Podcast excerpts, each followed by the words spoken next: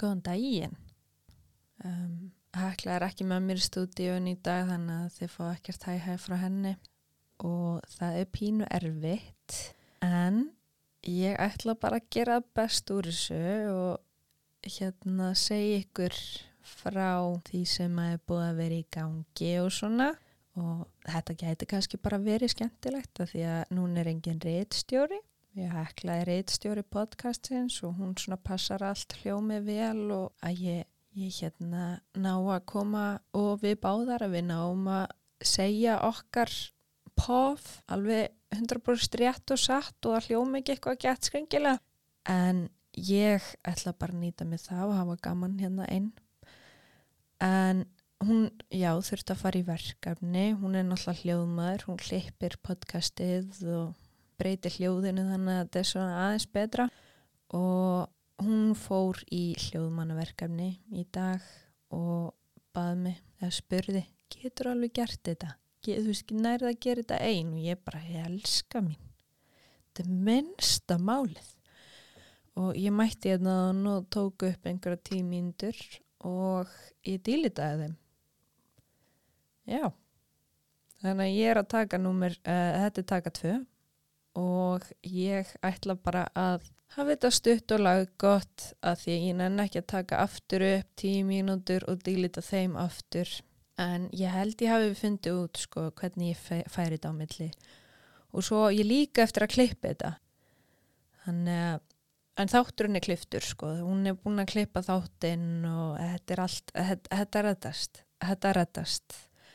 En hérna eins og kannski einhverjir tóku eftir þá um, voru við í myndbandi eða sketsi með bamstelpunum. Og ef að þið eru ekki búin að sjá það kíkja á Instagram okkar og farði í tag eða kíkja inn á Instagram hjá BAM sko, þetta er rosalega skemmtilegt. Bamstelpunar ég veit að Hekla myndi örgla, hún vill örgla vera með mér þegar við tölum um þær sko en ég er svona vildi aðeins bara svona segja frá okkar um, reynslu með þeim og svona, þetta var rosa gaman sko, við tókum upp myndband með þeim og þær eru svona, ég sé alltaf sketsakrú. Þær taka upp svona stutt myndband svona, sem er ógeðslega að fyndin og setja á Instagram. Og það er bara bam á Instagram sko, bam sketsar. Og en samt fattar enginn þegar ég segi já þetta er svona sketsakrú. Þú veist það einhvern veginn fólk er ekki að kveikja sko en þær eru hefi í finnar og við tókum upp eitt skett saman þar sem að þær eru eitthvað vilja fá að vita hvernig er að gera podcast og við eitthvað útskýrum það. Shit sko, ég veit ekki hvernig er að gera þetta bara í hverju viku af því að ég var andlega búin á því og ég sæði tvö orða eitthvað í myndbandi sko. Þetta tók svo á fyrir mig. Ég var svo, ég var svo mikið í lausu lofti og þar voru bara eitthvað svona já við bara förum í fílingin og við bara hérna eitthvað hérna þetta er svona embráð, bara ógeðslega gaman. Og þær voru bara þvílíkt að njóta sín og ég bara eitthvað, uh, já hérna já, já þetta er uh, þetta er svona einhver sem tengi við eitthvað. Var mjög hérna og ég fór heim eftir þetta sko ég svafi svo bann að það tók svo áferði mig þetta er kannski hérna þegar við hekla erum saman þá kannski getur við rættar aðeins betur en bara check them out því að þær eru ógæðislega fokki finnar sko.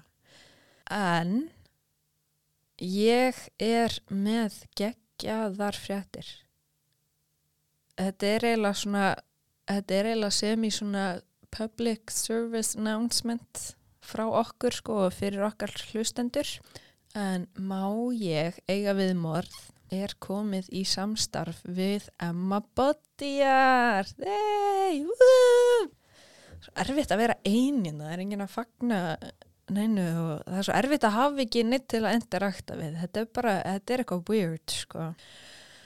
En Emma Bodiar hún er kona sem að á sitt fyrirtæki sem að ég sko bæði, ég elska woman owned company hún er eiginlega svona pínu hidden gem. Vist, ég veit að það eru alveg margir sem veit, veit, veit að hver þetta er sko, en ekki allir og mér finnst það að vera pínu synd sko. að því að þú veist þegar ég fretti af þessu þá fannst mér ég pínu að hafa verið búin að vera að missa af. Þú veist eins og það væri eitthvað partí í gangi og mér var ekki bóðið en ég fretti fyrst af henni þegar hérna frá vinkonu minni. Og hún er rosalega svona með geggjan stíl, þú veist, hún er alltaf í flottum fötum, alltaf flott máluð og bara svona allt einhvern veginn allt perfect hjá henni. Og líka alltaf bara með ógeðslega bara svona alveg yfirbörða flott skart í eirunum og ég svona var alltaf bara svona, hvað er með flott skart, ég sagði aldrei við hana. Ég veit ekki að hverju gerða ekki að því að þá geti hún sagt mér, já ég fekk þetta þarna og þá geti ég bara fara og fengið mig líka. En ég var alltaf bara, ó þetta er svo flott skart maður, þetta er svo þetta passa svo vel saman og þetta er svo cute og bara aesthetic og veist, ég var alltaf bara að horfa á eirunina þegar ég talaði við hana sko. þú veist, svo lóksum strullaði því út um mig bara eitthvað, ok, hvar fegst allt þetta þú veist, hvar fegst allt þessa eirnalaka og hérna og hún bara, já, Emma Bodyart hún stælaði eirum mín. Og þannig að hún mætti bara til Emmu og bara var komið leið á eirnalakunum sínum. Og Emma bara eitthvað tók það úr og þær bara fóru saman yfir skartu og völdu bara erðnalokka og þú veist í eirað hennar sem var bara pössuð ógísla vel saman og bara gæðvitt mikið hennar stíl og þetta var bara, þetta er bara perfect veist, og ég bara oh, god damn, wow, ok nice, verða farð þángað og svo var ég aftur að, hérna, ég var á djaminu hérna fyrir nokkru síðan, það var Staffadjam og ég talaði við eina, hérna, var að tala við eina vinkonu og ég spurði þú veist, hvar, hvar fegstu hérna, þennan hérna specific ernalokk sem ég fannst bara geðflottur.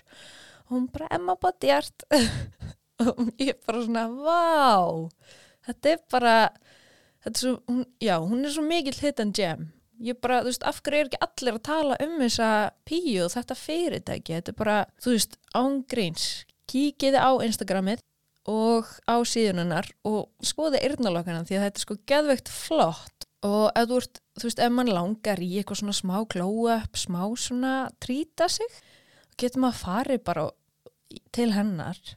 Og hún bara tekur gömli lokkan úr og þú veist, ég veit ekki, sittur poka eitthvað og þú veist, maður tekur það með heim skilur, hún er ekki að fara að hyrða þá.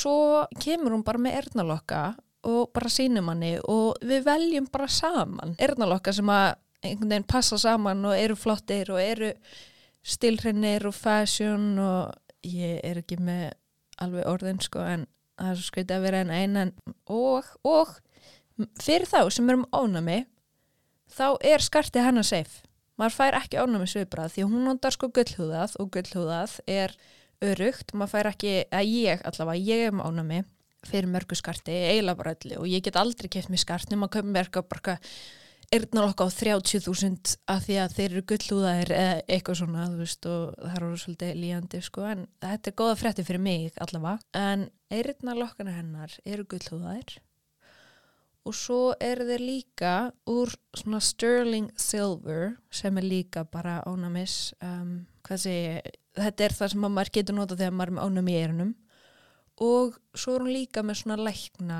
læknastál.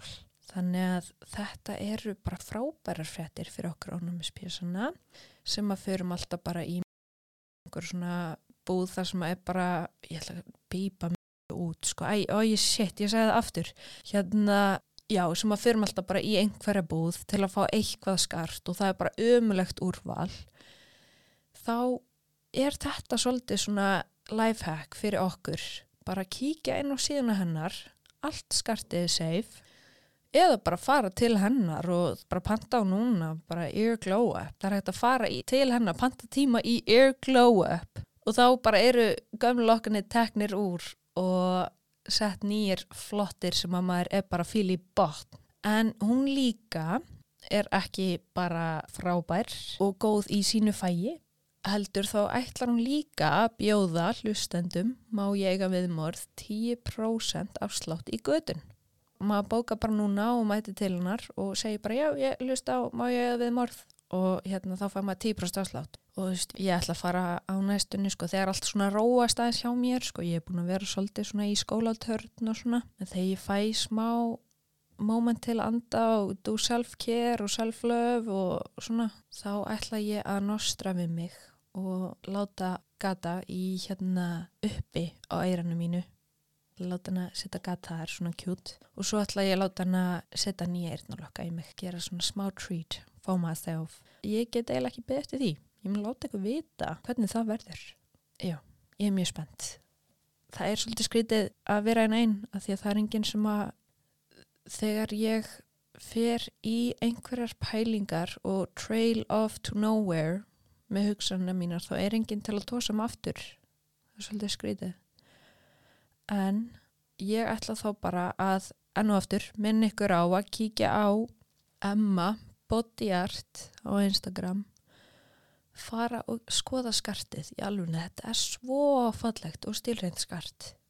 Bara þess vegna ef, þú, ef þið langar í svona smá treat skelltu bara í þú veist guðun það er alveg hérna fá sér svona lítið uppi eða fá sér hérna þriðja svona ef maður kannski með tvo, tvo loka sikur megin og fá sér kannski einni viðbóta eitthvað, ég veit ekki. En þetta er allavega, þetta er sko this is a treat. Og við fáum 10% afslátt og ég vil bara innilega þakka emmu, bodyart fyrir höndu okkar heklu bara innilega fyrir að styðja þáttinn og gefa okkur þennan afslátt og takk fyrir okkur. En Ég ætla þá bara að segja þetta gott. Ég ætla þá bara að eiga morð. Ég þarf nú ekkert að spurja, það er enginn með mér. En njótið þið.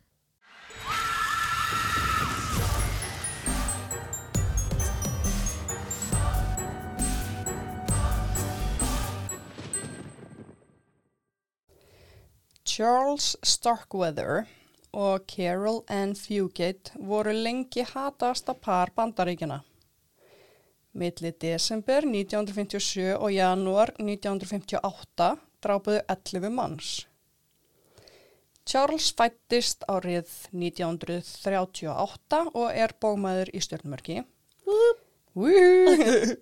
Hann fættist og ólst upp í Lincoln, Nebraska og var einn af sjö sískinum.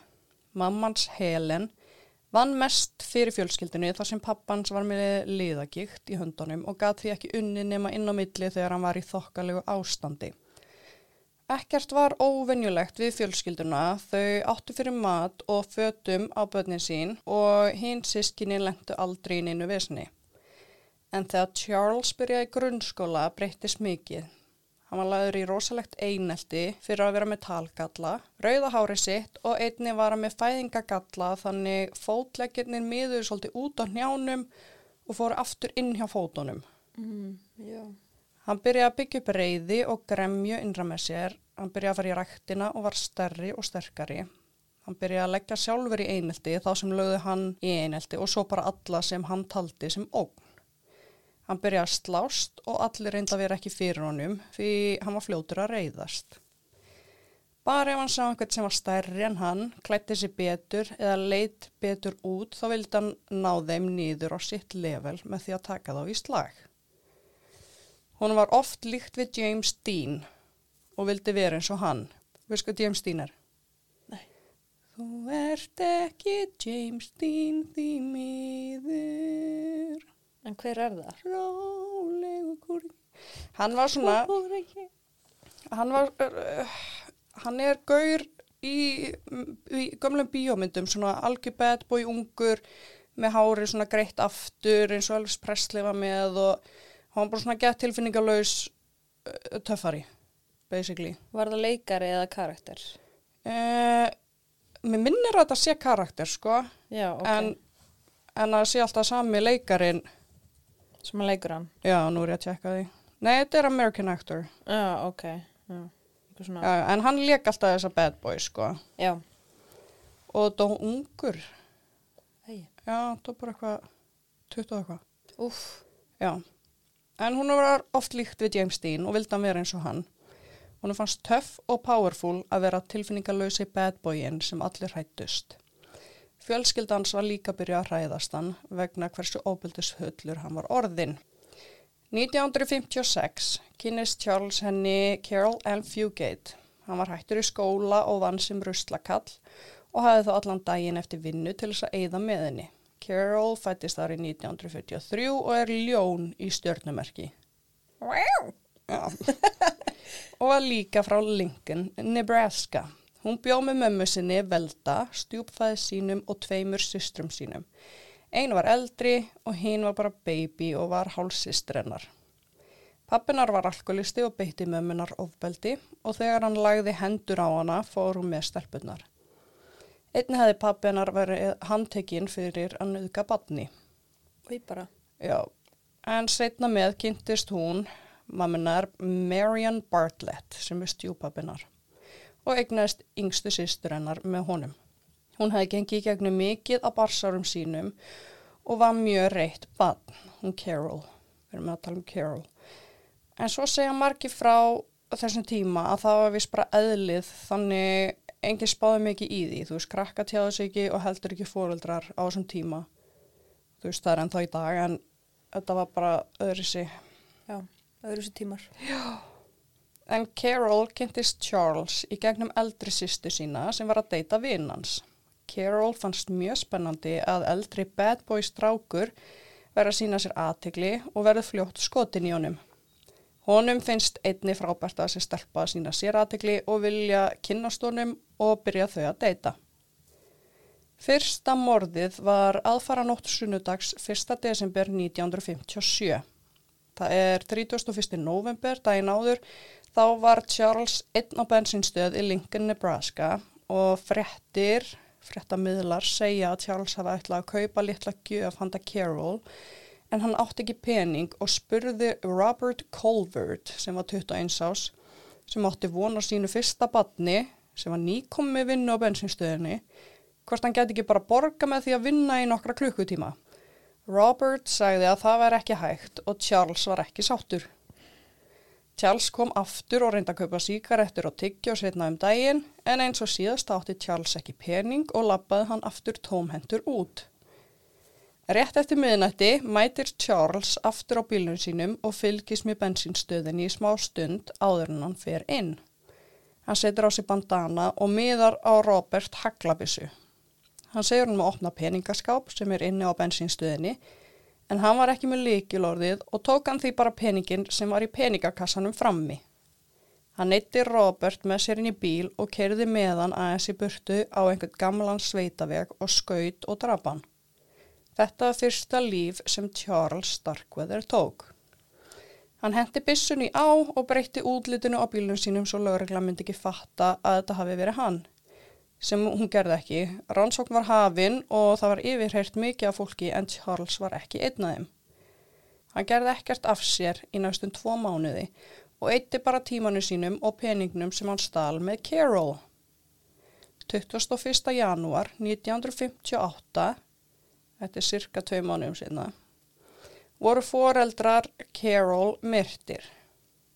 Mammenar var skotin í andlitið og stjúpfæðir hennar var skotin í höfuðið og stungin mörgu sinnum í hálsin. Littla sýstir hennar Betty Jean þryggjara öskraði á meðan þessu stóð og hætti ekki að gráta. Þá var hún lamin með skaftinu á rifli og var svo stungin í hálsin með nýf. Mamma hennar var vafin inn í lag og líki henni tróðið eins langt ofan í klósett út í klósettkofa sem var í gardinum þeirra. Lík litlu sýstir hennar var í pappakassa ofan á klósettsétunni sem lá ofan á líki mömmunar út í kofanum. Lík stjúpappunar lá í hænsnókofanum í gardinum og ekki fundust líkin strax því enginn vissi að þau varu dáin. Carol og Charles voru nefnilega í húsinu og heldur sér þar í sex daga eftir morðin. Það komu þó nokkrir, ein heimildin segi 14 manns og bunguðu upp á og fyrst sagði Carol þeim að enginn var í heima og þau ætti að koma aftur setna en svo sett hún miða í gluggan á útidyr á hurðina sem ástóð Stay away, everybody is sick with the flu og svo undirritað Miss Bartlett. Ammennar hafði komið nokkrum dögum áður og þegar hún fekk ekki að fara inn fór hún til lauruglunar. Lauruglan bankaði upp á og þar sem Carol kom til dýra og sagði að vera allt í lagi tóku þeir hann á orðinu og fóru En eftir þessa sex daga fór ammunar aftur til þeirra og þegar hún fekk ekki að koma inn, segist hún ætla að fara aftur að tala við laurugluna og fá húsleitar heimild. Þá pökkuðu þau niður og flúðu bæinn. Líkin fundust eftir að þau voru farin og var allur bærin í áfalli yfir morðunum. Þá fór lauruglan strax að leita Charles og Carol. Þeir heldu að hann hafi rænt Carol og vildu þeir finna hana eins fljótt og þeir gátu áður en þeir myndu frekar finna líkið hennar. 27. januar í Bennett, Nebraska, cirka 27 km frá Lincoln, voru þau Charles og Carol komin og stoppa þau á Sveitabæ hjá 70 ára gamla August Meyer. Þetta er sami dagur og Ammenar sæst allar hringja laurugluna. Mm -hmm.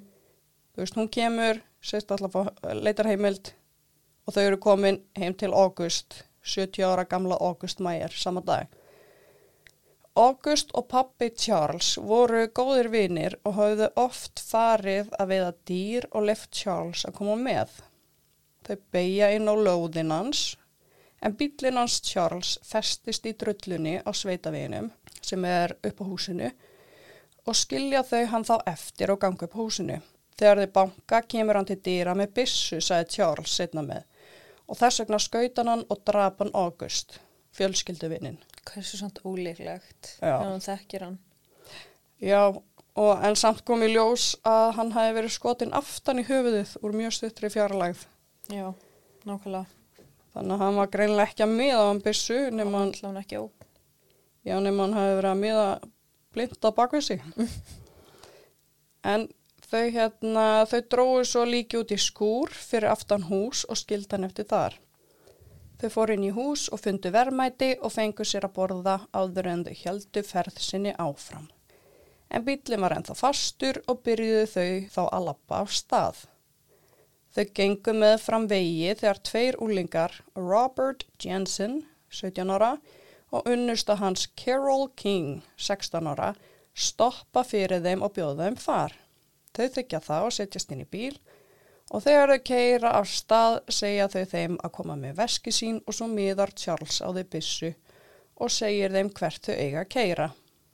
Þau stoppa einhver staðar út í buska og neyða þau niður í gamlan yfirgefin stormkjallara sem er svona underground þar sem fólk hatt falið sig ef að veðrið væri brjálað. Mm -hmm. Já, bunker. Já, hvað stóðleis. Þar voru þau skotin og drepin og skilin eftir. Robert var skotin sexinum í höfuðið og Carol, Carol, Carol. Carol, það er unga stelpan en Carol, Carol. Carol er aðal sem er með Charles Já, en Carol er ok. Já. unga stelpan Já. og Carol lá hálf nakin við hliðina á honum. Hún hefði líka verið skotin í höfuðið og búið að stinga hana í píkuna rosalega oft og var búið að stinga alveg upp í miðjan búk. Og ég bara. Svo búið að tróða príkum, sandi og steinum upp í píkuna á henni.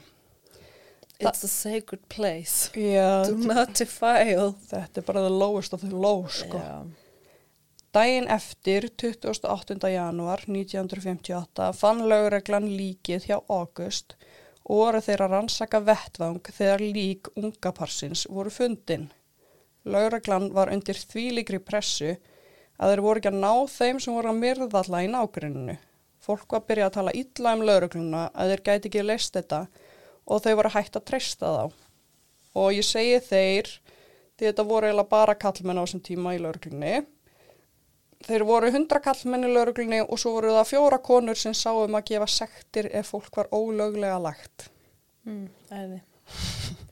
Ég gerði heima, já, ég gerði heimavinnuna mína, sko. Við erum ennþá á deginum 28. janúar, daginn eftir August og úlingarnir voru drefnir. Þá tókuðu bílinn sem pari var á og kerðu á stað. Þau ætluðu til Washington, til bróðir Charles, en eftir þryggja tíma kyrslu hættu þau og snýru við. Þau voru þreytt því það var ennþá nótt og ákveðu þau að keira tilbaka til Lincoln. Í kringum hálf nýju morgunin brutustu inn í mansjón í ríka hverfinu í Lincoln og heldu þar Clara, 46 ára sem bjóð þar og vinnukonu hennar Lillian 51 árs heldu þeim föngum með því að miða þær byssu og svo voru þau þar yfir allan daginn. En Klara fann sláttinn daginn eftir á hjónaherbyggiskólfinu með hendur bundnar bak við sig. Hún hefði verið stungin mörgusinu í hálsin, bringuna og í bakið. Liljan fann sláttinn bundin með hendur fyrir fram að sig og fæturni bundnir og að búa að stinga hana mörgusinum í bringuna og magan og var hún með djúbskursár á höndum, handleggjum, fótleggjum eins og hún hafi reynd að verja sig. Svo var líka verið að tala um að við vorum eitthvað gegg á munninum en eina sem er dættur í huga er svona kúla á bandi, þú veist. Geti líka verið bara, þú veist, taka bara tusk og hérna fyrir Já, getur, tróðu upp í þér og svo bara já, einmitt. Þú veist, allan eitthvað. ég sá einhver myndir eða útskýringar, það var bara sagt gegg. Já, það er yfirleitt bara eitthvað í munnin og svo eitthvað fyrir munnin. Mm Klukkan 6 setnipartinn sama dag kemur C. Lawyer Ward heim sem er eiginmær Klöru sem var drefin hana. Og hann var þá skotinn í forstofunni aftanfrá bara nokkrum skrefum inn fyrir aðaldirnar. Þau fundust öll daginn eftir þegar Lawyer mætir ekki í vinnu. Einni fann lauruglan jakkan hennar Carol á heimilið þeirra. Já, þetta er svolítið mikilvægt. Lauruglan fann jakkan hennar Carol. Mm -hmm. Það er unga stelpan í parinu. Carol. Já. Sem, hérna, og einni funduðu ekki jakkan hennar Klöru sem var verið að drepa þarna inn á hjónunum. Þannig þeir töldu að Carol, Carol, Carol, Mm -hmm. svo líknöld sko, væri ennþá með Charles og enn á lífi að hún hafi verið í jakkan menna Carol og skipt um jakka og tekið jakkan hennar Klöru í staðinn. Já, þannig þeim er farið að gruna að þetta sé hann sem er að drepa alla. Já, þau, þau vita að þau séu að leita að þeim sko. Ó, ok. Ég held Þau- að það væri eitthvað. Nei, nei, þau byrjuðu strax að leita að þeim þegar að hérna, já, ég hef kannski að taka það fram. þegar að fjölskyldan fannst. Að þau voru náttúrulega búin að vera í sex daga þarna og þau Mhm. vissi alveg hverjum þau voru að leita af, sko. Ok. En þau tengd alveg aðna Águstín og unga parið og bara alla við þau. Já, já, já, já. Ok.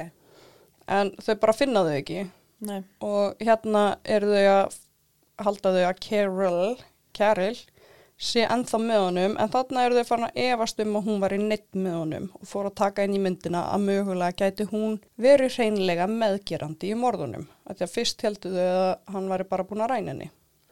Þar sem þetta voru mjög rík hjón og vel þekkt fréttist þetta mjög hratt. Íbúar bæjarins voru mjög hrættir. Fóreldrar skuttluðu og sóttu börnin sín úr skóla og sum heldu þeim bara heima.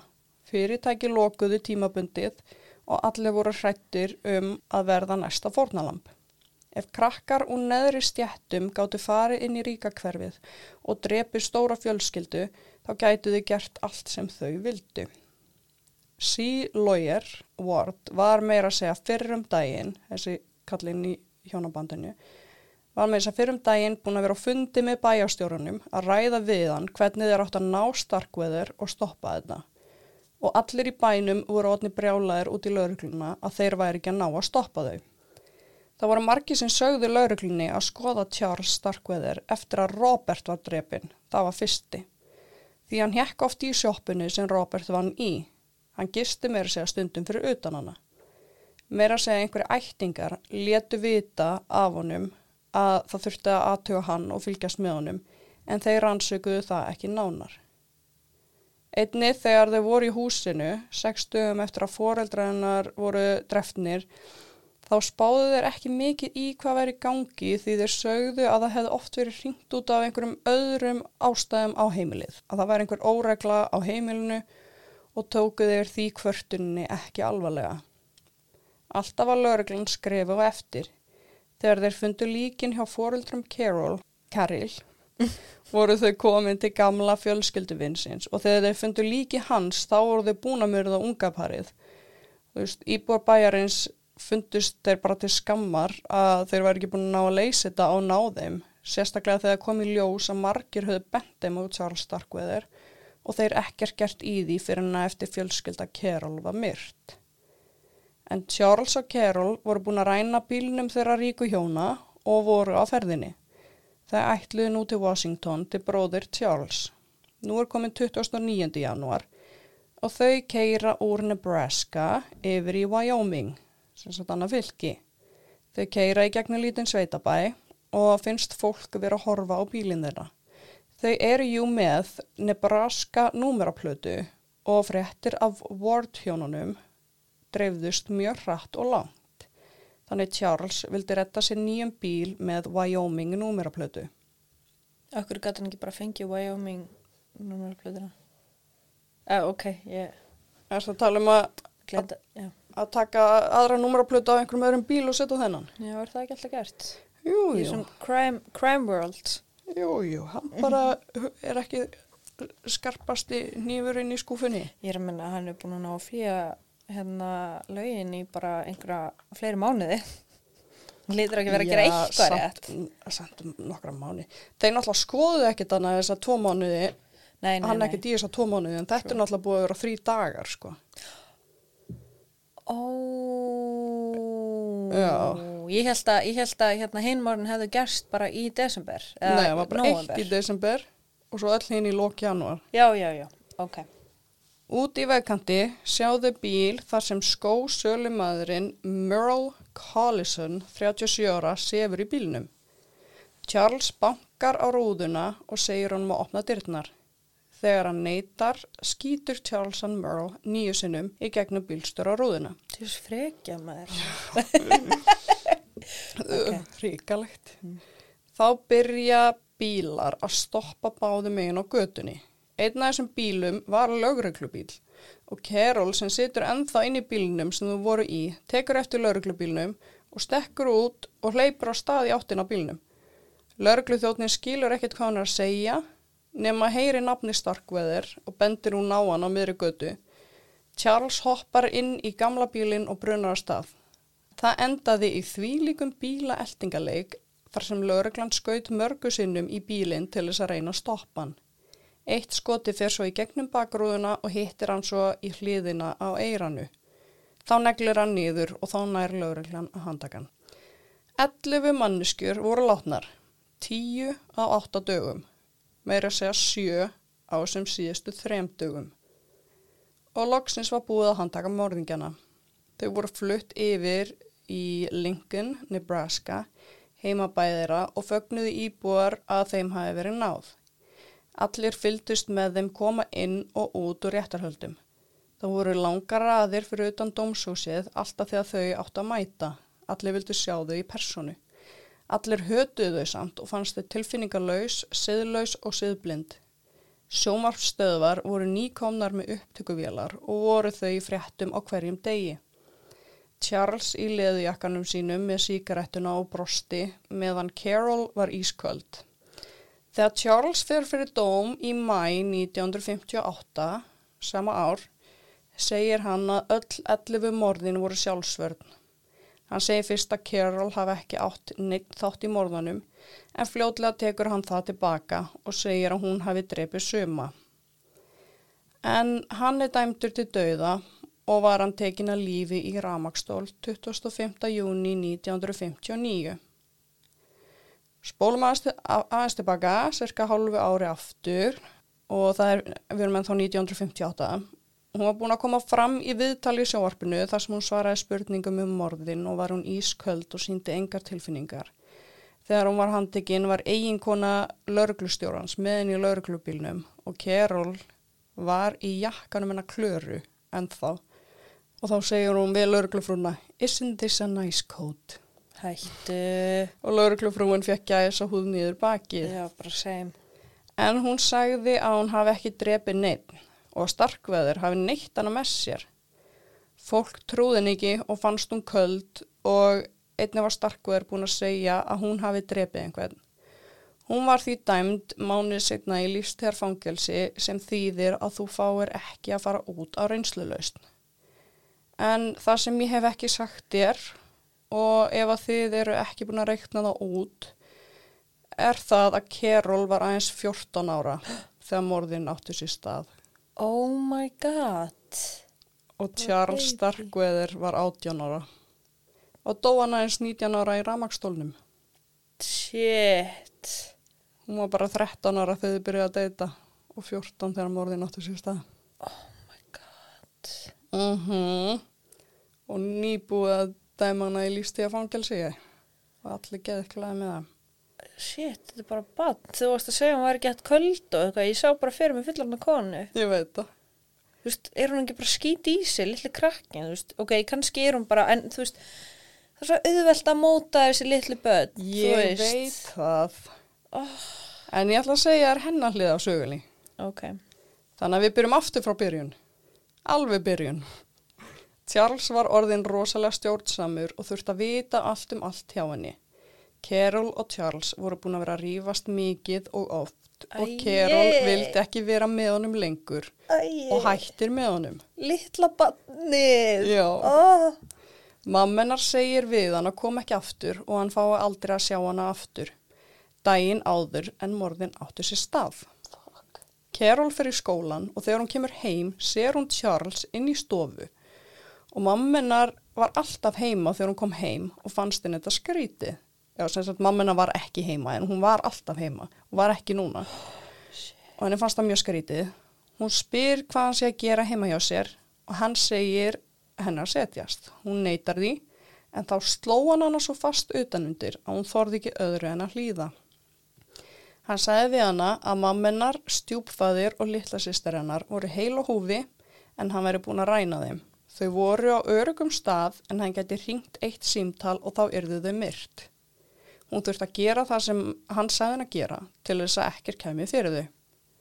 Hún trúði því og gerði því allt sem hann sagði. Hún hafði ekki hugmynd um að hann hefði komið fyrir um daginn, rifist við mömmunar um Carol og þegar mammunar slæra hann utanundir þá sækir hann byssuna sína og skýtur hann í höfuðið. Fuck. Svo dreipur hann stjúpapinnar og litlu systur og færi þau öll í kofan út í gardi áður en hún kemur heim. Eina sem hún veit og trúir er að fjölskylda hennar sé heil og húfi en að einhver sé að fylgjast með þeim og ef hún gegnir ekki þá geta hann bara hringt í vinsinn og þau eruðu myrt. Þegar hún var tekin í yfirheyslu var það fyrsta sem hún spurði hvort hún mætti hringja í foreldra sína. Allir snýri út úr og sögðu já, já, bara setna. Þau leta hann ekki fór lögfræðing og leta hann að skrifa undir framsalskjöl. Berja þetta fólk. Hún held hún væri bara að skrifa undir eitthvað til þess að komast heim. Í yfirherslunni sagði hún þeim allt. Að hún gerði allt sem hann sagði henn að gera til þess að fjölskyldan hennar væri örug. En þeir voru voða uppteknir að því að hún flúði ekki. Þeir bentinni á að þarna og þarna gæti hún flúið en halló. Hún held að fóreldra sínar og systir yrði myrt. Já, eh, hvernig hlustuðu ekki á bara þegar hún spurði, má ég heita fóreldra mína? Já, Þú bara snúð út úr. Var bara, oh, Já, já, bara setna. stupid people. Einnig spurðu þeir voðalega mikið út í enga lífparsins, spurðu hvort hann hafi haft við hana samfarir og hvort þau voru að gera það meðan þau voru búin að loka sig afinn á heimilennar í sex daga. Já, það er sem sagt bara ógeðslega lauruglufina. Ja? Mm Eftir yfirheysluna var kyrt með hana upp í fangelsi og þar spurði hún hvort hún mætti ringja í mömmu sína og spurði af hverju ma- er mamma mín ekki hérna, af hverju kemur hún ekki að sækja mig. Lauruglufrúin sagði við hana að allar línur væri rosalega upptekna núna og þau hljóta ringja eitthvað tíman á eftir. Kerol fann fyrir öryggi að hafa lauruglufrúna hjá sér og báðun hana um að skilja sig ekki eftir. Hún var svo hrætt um að Charles myndi koma og ræninni og meiða hana. Lauruglufrúin reyndi að útskýra fyrir henni að hann gæti ekki komið. Hann væri í fangelsi en hún sagði jú víst, þú þekkir hann ekki, hann getur komið og fekk hún rosalegt kvíðakast að hún þurfti að vera sprautu niður og svaf hún þá í 17 klukkutíma. Þetta var allt sami dagurinn. Hún hljóp frá Charles í lauruglubílnum, hún var yfirheyrð, hún skildi ekki okkur mamminar og stjúpappi voru ekki aðna hjá henni, hún var sett í fangelsi þar sem hún var sprautu niður. Hróttalega framkoma. Ríkalegt, 14 ára.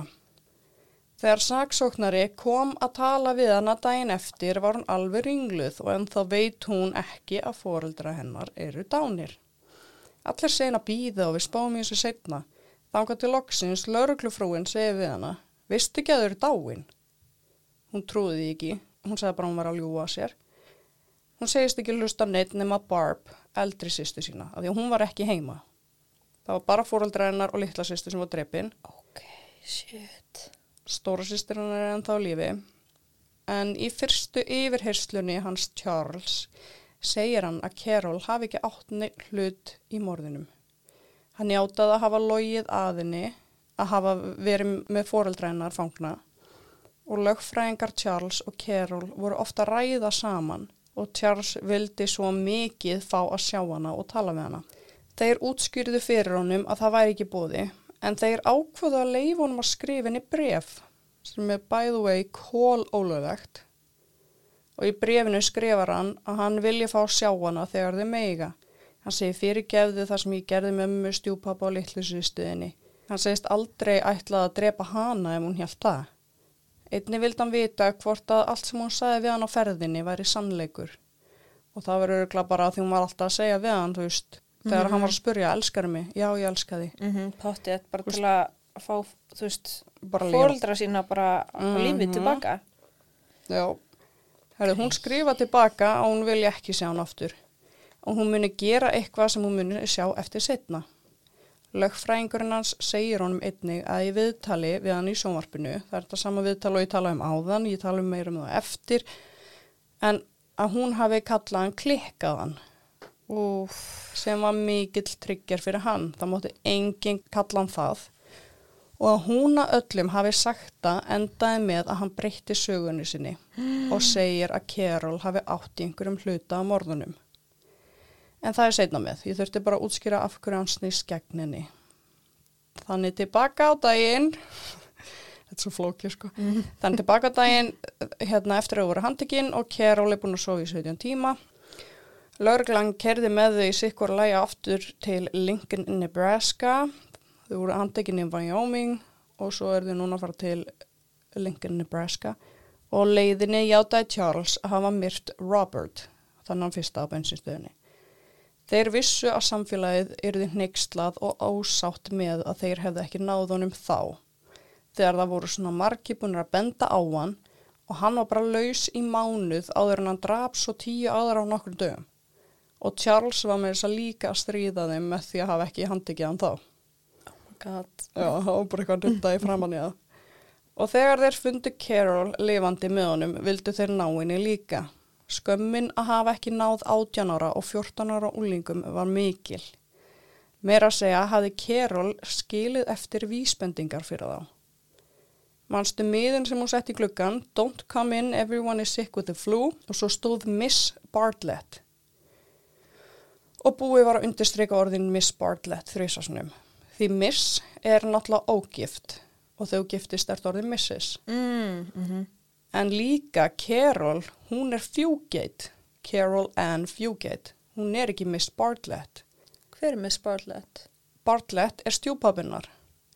Þannig að mamminar varð Bartlett eftir hún gifti stjúpabinnar og er Mrs. Bartlett. Þannig að eina Miss Bartlett í húsinu var þryggjara hálsistir hennar og ekki gatt hún skrifa hennan miða. Oh, god damn maður. Já, klár sko, Já. fokking klár. En samt eiginlega oflóki fyrir aðra til að fatta þetta. hún er okklár fyrir lögguna.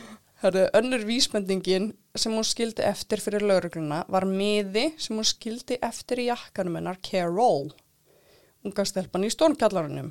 Hún skildi hérna, jakkan eftir heima hjá ríkuhjónunum og svo í vasanum á jakkanum var miði sem ástóð Help, Police, Don't Ignore.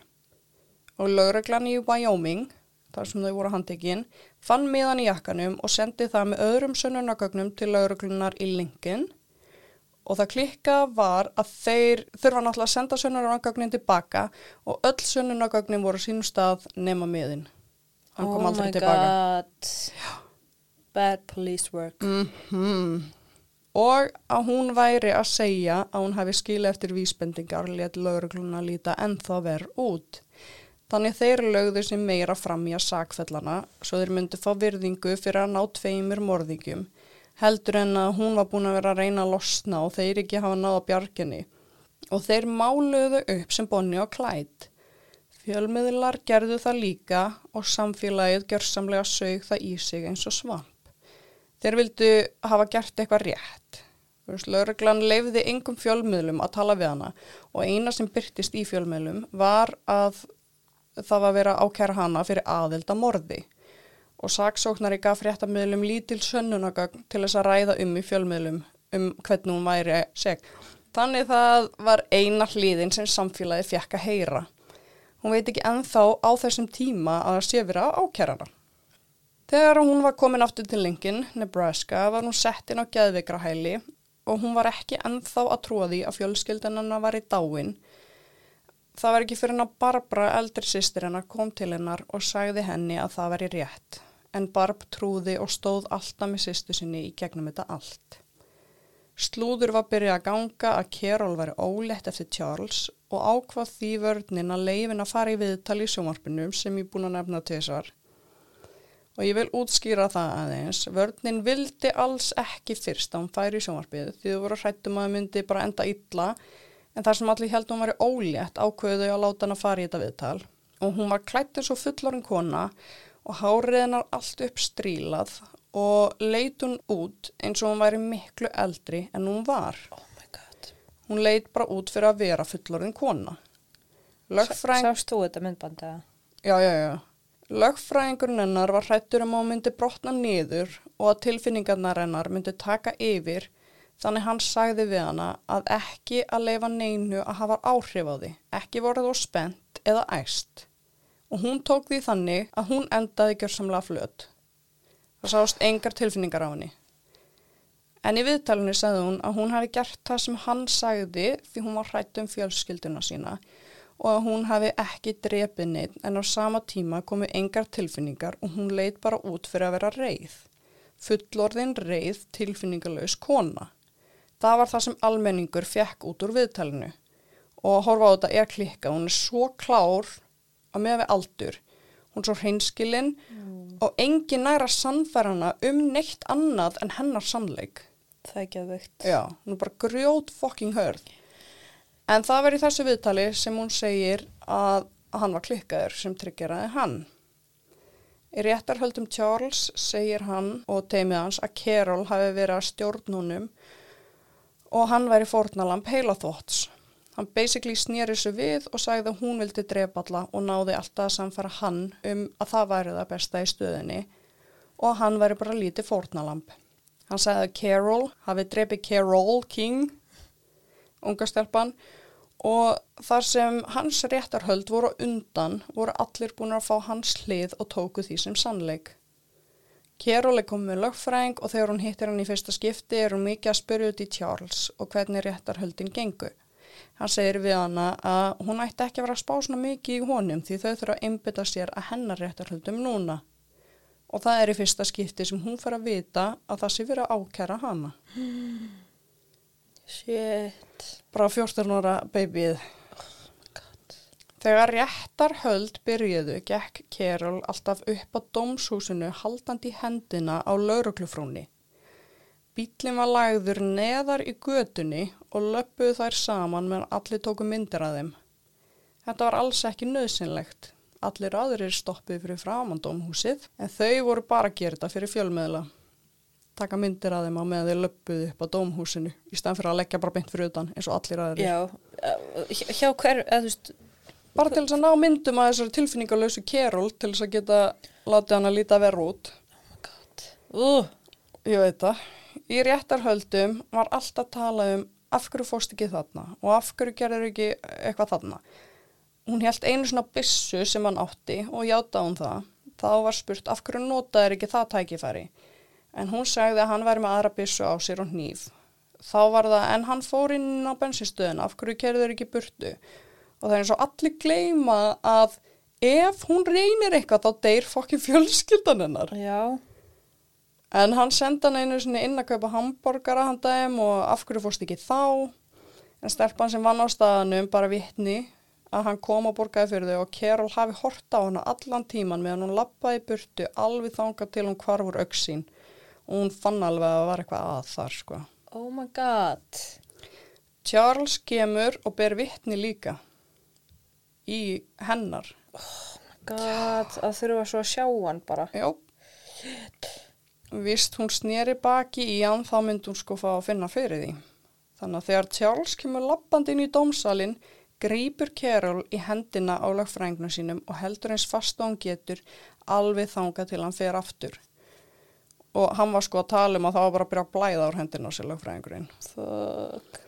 Hann segist aldrei hafa neitt hann í neitt og hún hafi alltaf mátt fara að þið byggu saman til söguna að hann væri að halda fóreldrum hennum fæungnum til þess að hún myndi ekki lendi í vesinni. En hún er yngsta stelpa sem hefur verið dæmd í lífstíða fangelsi í bandaríkjónum, segja þau. Kanski komið eitthvað nýtt mál núna en það var ein yngri sem var á death row en það er náttúrulega annar dómur. Já. En meðan Charles er í fangelsi skrifar hann æfi sögu sína og fekk hann að byrta stutta útgáfu af henni í Parade Magazine sem var stæsta tímaritið á þessum tíma í bandaríkjónum. Charles segist hafa verið hrættur allan tíman meðan hann var með henni. What the fuck? Hann hefði ekkert sofið og vildi gefast upp en Carol hótaði því að þau myndi ekki hætta. Á meðan hún satt með byssuna í fanginni sem miðaði beint á hann hafði hún gaslýst hann og sannfært hann um að þau ættu að halda áfram. Þegar dauðadagur Charles er að nálgast varð Carol mjög hrætt.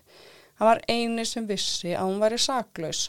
Hún sendi honum bref og baði um að fá að heimsækja hann svo hann geti hreinsa mannorðið hennar.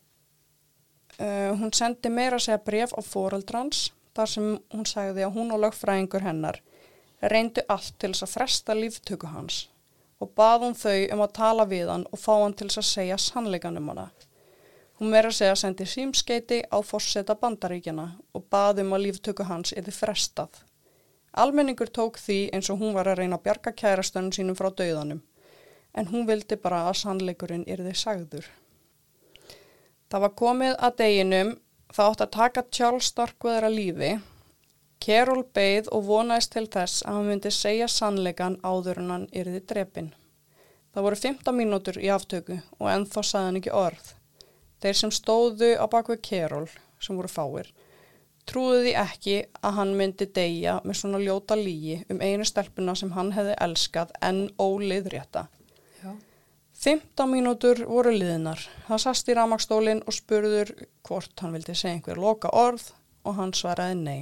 Oh, er það grínast?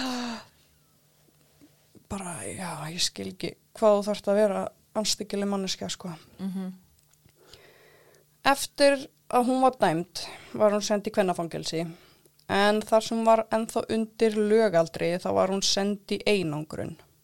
Hún fekk ekki að hitta neitt niður tala við neitt og þar var hún í eitt og hálft ár og alltaf beigð hún eftir að einhver fattaði að komst að því að hún væri saklaus og myndi koma á bjarginni.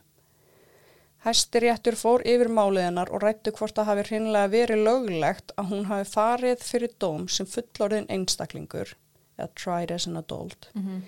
En þeir komist á þeirri niðurstuð að þetta hafi allt verið gott að blessa.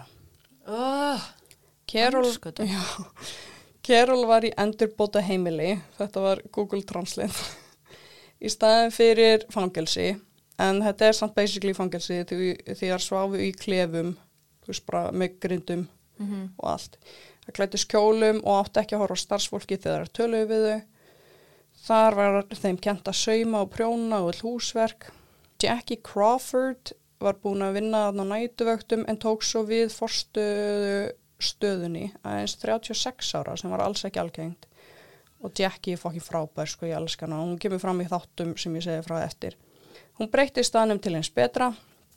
Hún læði sér mikið fram í að konunum liði vel og hún gerði það leifilegt fyrir suma konurnar að fara út í bæ að hitta lögfræðingana sína og Carol fekk að fara til lögfræðingsins síns og fjölskyldu hans og gista yfir helgi í Lincoln. Hún passaði börnin þeirra og fekk að í sund með þeim þangað til að var kvarta yfir hún væri þar. Það voru svo margi sem hötuð hana og vildi ekki sjá hana út í samfélaginu og sérstaklega ekki í Lincoln þar sem þetta allt átti sér stað og vegna kvartana fekk hún ekki lengur að fara. Árið er 1972, Carol er 29 ára og situr ennþá í fangelsi eða á endurbóta heimilinu. Hún er búin að byggja um áfríun og að mál hennar er þið endur upptekið mörgum sinnum og aldrei fekk hún það ekki gegn.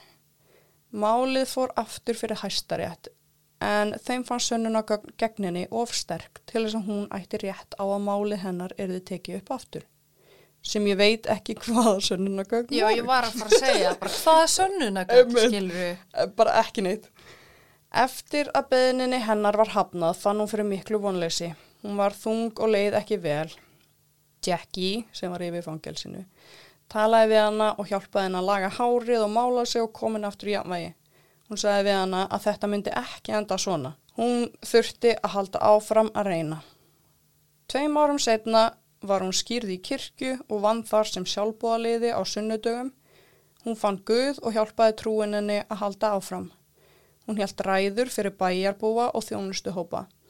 Hún var mikil baráttu kona og talaði hún um hvernig væri hægt að betur en bæta úrræði fyrir konur í fangelsum og hvernig væri hægt að koma í veg fyrir að konur fremdu glæpi. 1973 var breytt lífstíðadómi Keról. Núna átt hún sjans á reynslulaust eftir 30 ár. Ó, En- það gæsa, Já. sko. En hérna, hérna, já, svo, ég veit ekki hvað gerist, en hún sótt um að fara út á skilorði 1976 þegar hún var 33 ára og þá var hún bara búin að setja inn í 19 ár og færa hún það í gegn. Í alvöru? Já. Elsku konan. Oh my god. Happy news! Já. Hún trúir valla að þetta sé að gerast í alvörunni en þau líkur léttir. Hún vildi bara eignast venjulegt líf. Jackie sem var yfir fangelsinu sett hana aftan í lítinn trukk um miðja nótt og hjálpar henni að fara upp á flugvöll til þess að flytja til Michigan uh, þar sem hún átt að tilkynna sig reglulega til skilors fulltrúa þar. En já, Jackie vissi að fjölmiðlar myndi vita hvað hún væri, þú veist, ef hún myndi vita hvað hún væri. Myndi hún ekki fá frið? Það er svona hjálpa hún að laumast þarna aftur hann í bílinn og upp á flugvöll. Já, já, já. Kerol gæti loksins byrja nýtt líf og hlakkaði til. Hún fór að vinna á spítala og einnig var hún barnfóstra að tvekja stúlkna. Hún var mjög náinn fjölskyldinni, hún genti stelpunum að hjóla og var alltaf með orku í að leika og gera eitthvað skemmtilegt með þeim og elskuði þær hana mikið. Hún leg líka trúð í ammali hjá einnig stelpunum. Það er mjög góð myndaðinni. Hún elskaði börn og var því frábær fóstra en hún vildi ekki eignast barn sjálf og að þau myndu þurfa að alast upp með hana sem mömmu og allar sögurnar og hatrið sem fylgdi henni. Jesus. Samt líka fallega, hugs, hugsun hjá henni, fattaru. Þú veist, barnum mitt á ekki skila að gangi í gegnum þetta. Samt bara fuck those people. En Ég ég, skil það. En bara fuck you guys. Ég skil svo mikið báðliða, sko. Já. En þótt lífi hjælt nokkurn veginn áfram, þá hjælt fortíðin áfram að eldana. Samfélagið og fréttamiðlar hjæltu áfram að skrifa og tala um hana og sama hvað hún sagði eða gerði trúðinni engin. Hún vildi bara fólk trúði sér og vissi að hún væri saklaus. Það voru þættir í sjónvarpinu sem hétu Lædetektor og voru mjög vinsalir. Þar gætt fólk sem var ránglega að saka komið og láti taka að lega prófa sér í þættinum. Úff, það er samt tæft dæmi, sko. Ég veit það. það var þetta var náttúrulega 1983. Já, ok. Þannig að þetta var bara the truth. Oh. Þannig að 1983 þá var Kerol færtug. En þá berjast við samfélagið og, og ákvað hún að hafa samband og fara í þáttinn. Henni fannst þetta góð leið til þess að hreinsa mannorðið sitt. Þar var hún spurð hvort hún hefði trúað því að foreldrar hennar höfðu verið enn á lífi þegar Charles tók hana með sér. Já, sagði hún. Hótaðan þér að það myndi myrða þau ef að þú myndir ekki gera það sem hann sagði. Já. Vissur á fjölskyldaðin væri dáin þegar Charles segir þér að koma með sér. Nei. Og Carol flög í gegnum prófið. Hún sagði sannleikan. 1989 var Carol í viðtali, 46 ára, og vildi svara spurningum undir dáleiðslu. Hún var spurð hvort hún hefði vitað að fóreldrennar höfðu verið myrtir. Hún sagði nei, að hún hefði aldrei farið með honum, hefði hún vitað að hann hefði dreipið þau. Hún hágrætur í dáleiðslunni og það er svo vond að hlusta á þessu upptöku. Hún er sko öskrandi. Æ, Hún talar um hvað hún var heimsk og þetta væri henn að kenna að hafa trúðunum og gjörsanlega, já, öskrar. ó, Og þannig er hún 46 ára gömul kona, sko. já, þetta eru bara barna bersku Já. minningar. Hún verður bara aftur litla Carol.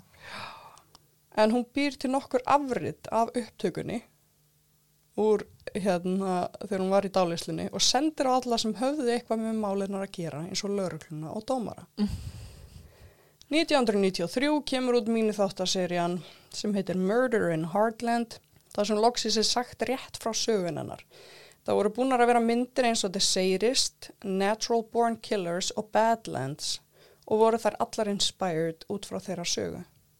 Terence Malik, leikstjóri, og Martin Sheen, leikari, voru með enga síningu á myndinni Badlands áður hún fór í bíó og buðu Kerol á síninguna. Þetta var ekkert alveg þeirra saga en hún var innblásin á myndinni, eða þú veist innblásturinn á myndinni og Martin Sheen leik karakterin Kit sem var byggður á Charles svo vel að Kerol segir við hann eftir síninguna Charlie, you come back to hunt me. Oh my god. Já. Henni fannst það ná honum það vel í myndinni en myndin var ekki að brútal og hvernig þetta var og í öllum myndunum var hún alltaf gellan sem var drulluð sama. Alveg tilfinningalös. Alltaf verið henni líst þannig. En loksins þegar míniserjan Murder in the Heartlands kemur út er sínt hversu óbeldisfullt og ógeðslegt þetta var að hún þorði ekki að flýja og var bara hrætt 14 ára stúlka. Marki fíluðu seríuna en á sama tíma voru margi brjálaðir og kölluð þetta óbeldisklám og fannst þetta ógeðslegt. Allt í einu var óbeldið í þessari mynd og mikið sem var í öllum myndunum á þessum tíma því allt í einu var, þetta ekki Bonnie og Clyde par, fatharu, heldur mm. allt í einu var þetta 14 ára bann sem vildi ekki vera þarna. Já. Og þá var allt í einu allt brjálað og var kent þeim um að 18 ára strákur í Kanada hefði sé mynd og myndin á myrt fólk eins og í þáttunum eitthvað og ABC bökkuðu út og vildi ekki lengur sína þættina og enginn vildi heyra þessa sögu. Þetta grínast í mér. Þetta var ekki skemmtilega vilda pari sem draf því það elskaði hvort annað svo mikið. Jesus. En þetta var sannleikurinn, fattar? Fuck. Hversu pyrrandi er það? Já. En þessi þættir voru einu þættirnir eða bíómyndin sem rannsökuði hennar hlið og vildi segja söguna 100% rétta. 2006 kynist Carol þegar hún er 63 ára, hún er Fred, kallaði Freddy og árið setna giftuðu þau sig. Mm. Freddy átti húsbíl og ferðust þau saman um bandaríkin. Hún fekk loksins að upplifa ást í fyrsta skipti. Já, þú náttúrulega enginn vildi sjá hana þarna eftir morðin og Nei. Elsku Fred. hann kynnt hana fyrir börnunum sínum sem voru alveg efins um þetta fyrst af því að vissu sko, allir hver hún var. Ég er með gæsáð. Já, það vissu allir hver þetta var og börnin hans voru bara, uh, nei, nei, hva, nei, nei, veistu hver þetta er pappi, fadri. En þau voru öll fullorðin og frættu sem málið og standa bak við hana í þessu öllu í dag. En 2013 voru þau hjónin að keira saman seint um kvöld og Freddy svopnar við stýri. Þau klessa á skilti og byllin flýgur og lendir öfugur út í vöðkanti. Kerol brýtur mörg bein í líkamannum, í fætinum, hendinni, úliðunum og sjö rifbein, en Freddy ljast í slísinu. Nei, fóru þau ekki saman? Er þetta grínast? Ég, ok, eins leðilegt það hljómar, það var ekki að vonast til að þau myndi bara fara saman. Já, ég veit Akkur þarf hún að lifa án Fred? Af því að þetta, á, þetta er, það er eitthvað ennþá eftir fyrir hana. Ég finn það sko. Það fór allt í fréttinnar og fólk ásakaði hana um að hafa myrtan. Það var ógæðsleg komment á netinu um að hún átti þetta skilið, að hún hefði átt að deyja frekar og að Charles er búin að býða svo lengi eftir henni. Új, barasta. Fyrst er þetta ekki ógeð. Fuck you people. Eftir Aldurs. þetta varð hún aldrei svo sama. Hún datt niður í djúft þunglindi og varð eiginlega bara að vofa. Konan sem hún vann hjá sem þegar hún var fóstra sagði að hún var aldrei svo sama og þessi kona sem var alltaf fulla orku og talaði svo hratt að þurfti að hæja á henni til þess að skilja hana, þú veist, átti allt í henni erfitt með að reyfa sig og gátt alltaf að tala. Hún fekk heila blóðfall einhverju setna, ég veit ekki hvenar, en dó ekki. Og 2020 sótt hún um pardon eða náðun og náðurinn að beðinni hennar var stutt af ættingum fórnalampa. Ok, wow. Barnabarn ríkuhjónana, mástu, Já, skrifaði bref þar sem hún segir að Kerol eigi skilið náðun. Að hún væri ekki viljugur þáttangandi. En Kerol var neitað um náðun. Eina ástæðin sem var gefin var að málið hennar og beðinni var of viðtæk fyrir skilósnefndina. Why? Oh my god. Carol Ann Fugate varð áttræð núna 30. júli 2023. Oh my god, er hún ennþá lifandi? Já, áttræð. Hún býr ennþá í Michigan og lögfræði teimið hennar heldur áfram að berjast fyrir hana. Já. Shit. Þetta var hún Carol og ég sko held ángríns tótt að hún hefði pottið vilja að deyja með honum þá held ég samt að hún dó ekki af því að hún á að fá að lifa af þegar loksins verður tekið tilbaka þar sem hún var ásökuð um fattari. Ég held samt að þau reyna að gera allt til þess að það komi ekki, þú veist, mm -hmm. að því að hún Þetta getur fengið bara- þvílingar upphæðir og þetta er allt um peninga hjá þeim sko. Já, og líka bara, þú veist, að viðkjanna að lauruglan hefði, þú veist, fucked up. Uh En að ég veit ekki, ég hefði bara fre- frekar viljað deyja með Freddy mínum, sko. Algjörlega og líka bara þú veist að fólk ennþá ef þú fer ennþá inn á Reddit og byrjar að tala um þetta þú veist það er allir bara ekki ég held að hún hafi alveg hlutað þessu Í alvörunni? Já, já, já, ennþá bara þú veist hún var samt 14 halló, But, já. þegar ég komst að því þá var ég bara býttu nei, ha býttu, þetta er ekki, Hvað? já. og þau öll bara já, hún er ógeð What the fuck? Þetta er sko, og svo er ennþá í dag. Ennþá verið að tala um þetta. Shit. og ennþá ógisla margir á Reddit bara, já, hún vissi alveg hvað hún var að gera sko. En bara, uh, þú veist, en um leiðum fattar fóldari sín séu dánir, þú veist, hún, að ég veit ekki, ég, bara búið að rústa lífið þess að greiði stelpu, bara let her be. ég stelpu, Gefa- hún er áttræð Ég, ég er að tala um hana sem stelpu, Já, en þú veist, bara gefið henni náðun og marga miljónir hún geti gefið bönnum hans freddi eða eitthvað, þú veist. já, og, og strákurinn hans er ennþá bara kíkja á hana reglulega og lesa fyrir hana og Ó, ég myndi gera það líka, ég er að meina, þú veist, hún hefur haft, mátt þóla nóg. Ég veit það, það er bara svo, þú veist, að því þau giftu svo seint og eitthvað svona, þú veist, það væri alveg skiljanlegt að að þau náðu ekkert að tengjast, þau voru hvað saman í sjö ári eða eitthvað, eða þau ekkert er náðu að tengjast ár. svona vel, en þau, þeir eru ennþá bara að kíkja á hana og, en hún bara tala af alla og bara komið kvítt hár og, og bara inn í myrkru íbúðinni sinni allan daginn. Æ, Ég sko, ég hat þetta mál. En veistu hvað Bruce Springsteen er? mæ, Það er einhver söngvari, hann bjóð til plötu og eitt lagið heitir Nebraska, eða platan heitir Nebraska, en eitt lagið heitir Nebraska sem er bara um þau um orðin. Og svo langaði mig líka að segja frá henni Linda Battisti, hún skrifaði bókina The Twelfth Victim. Þau drápu 11. oh my god, já, en hún var the 12th 12th victim. Victim. Bara Oh, um hana shit. og hennar hlið. Og hún sem sagt, það voru að koma heimildatættir út frá bókinni sem hún skrifaði og hvað er búið að gera síðan sem heitir líka bara The 12th Victim og þau komið bara út í ár. En ég mæli rosalega með þessum þáttum og það tók hana 15 ár að gefa út bókina af því hún vildi hafa þetta svo pottið sko.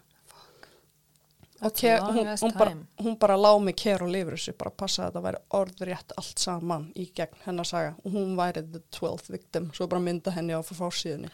Oh, þú ert bara, you're killing me. Ég veit Ég er bara, ég er degur gæsa, þú sko. Og þú veist, Carol sagði eina sem hún vildi að bókin myndi gera væri bara allavegna ein mannskja sem held hún væri seg myndi snúast hugur, það væri hún sátt. Fuck. Það er bara eina sem hún búin að vera að gera restina lífinu sinu, það er að reyna að samfara fólkum að hún sé saklaus. Æ, ég, þú veist, skýtt með fólki. Ég veit það, en ég skil hann að er bara Auðvitað, eitthvað- ég veit það, en ég bara, fuck the people. og svo líka bara Í eitthvað alvörunni. 60 og eitthvað ára þegar hún finnur ást í fyrsta skipti og þú veist þetta, hún var að gangi í gegnum fyrstu sambandslið þarna fattar þú? Þau eru og hann ekstra viðkvæm Mhm. Og Og hún- bara, það er ekki eins og hann hafa hætt með henni og byrja með einhver annar píu eða eitthvað, hann dó. Ó, ég hatt þetta. En bara þú veist já, líka hellingafallegu í þessu en e ekki miklu, nei. En einhverju, Mm þannig að ég vona að hún, hún var örgulega vonandi hamingjusum. já, í Allavega, allan allan með Freddy. Já, að bara vonandi að hún fái það sem en, hún er búin að brenna fyrir núna að fá staðfestingu, eða hvað heitir það? þegar það dreigi dóminn tilbaka. náðun, Já, hvað skal ég segja það? já, já. The pardon. Hún er búin að brenna fyrir að fá náðun síðan hún komst út, þú veist, 33 ára. Hún er bara búin að berjast fyrir því og hún er búin að vera að fara í þætti, bara gera allt til þess að fólk trúi sér og ég vona svo mikið að þetta verið dreigið tilbaka og hún fái náðun og þetta, og já, það Já. er ósk mín heitust í dag. Mm Mín líka, at this time, Já. eftir að ég er búin að heyra þetta. Eru, takk kærlega fyrir í dag. Já, takk fyrir mig. Ok, bye. Bye.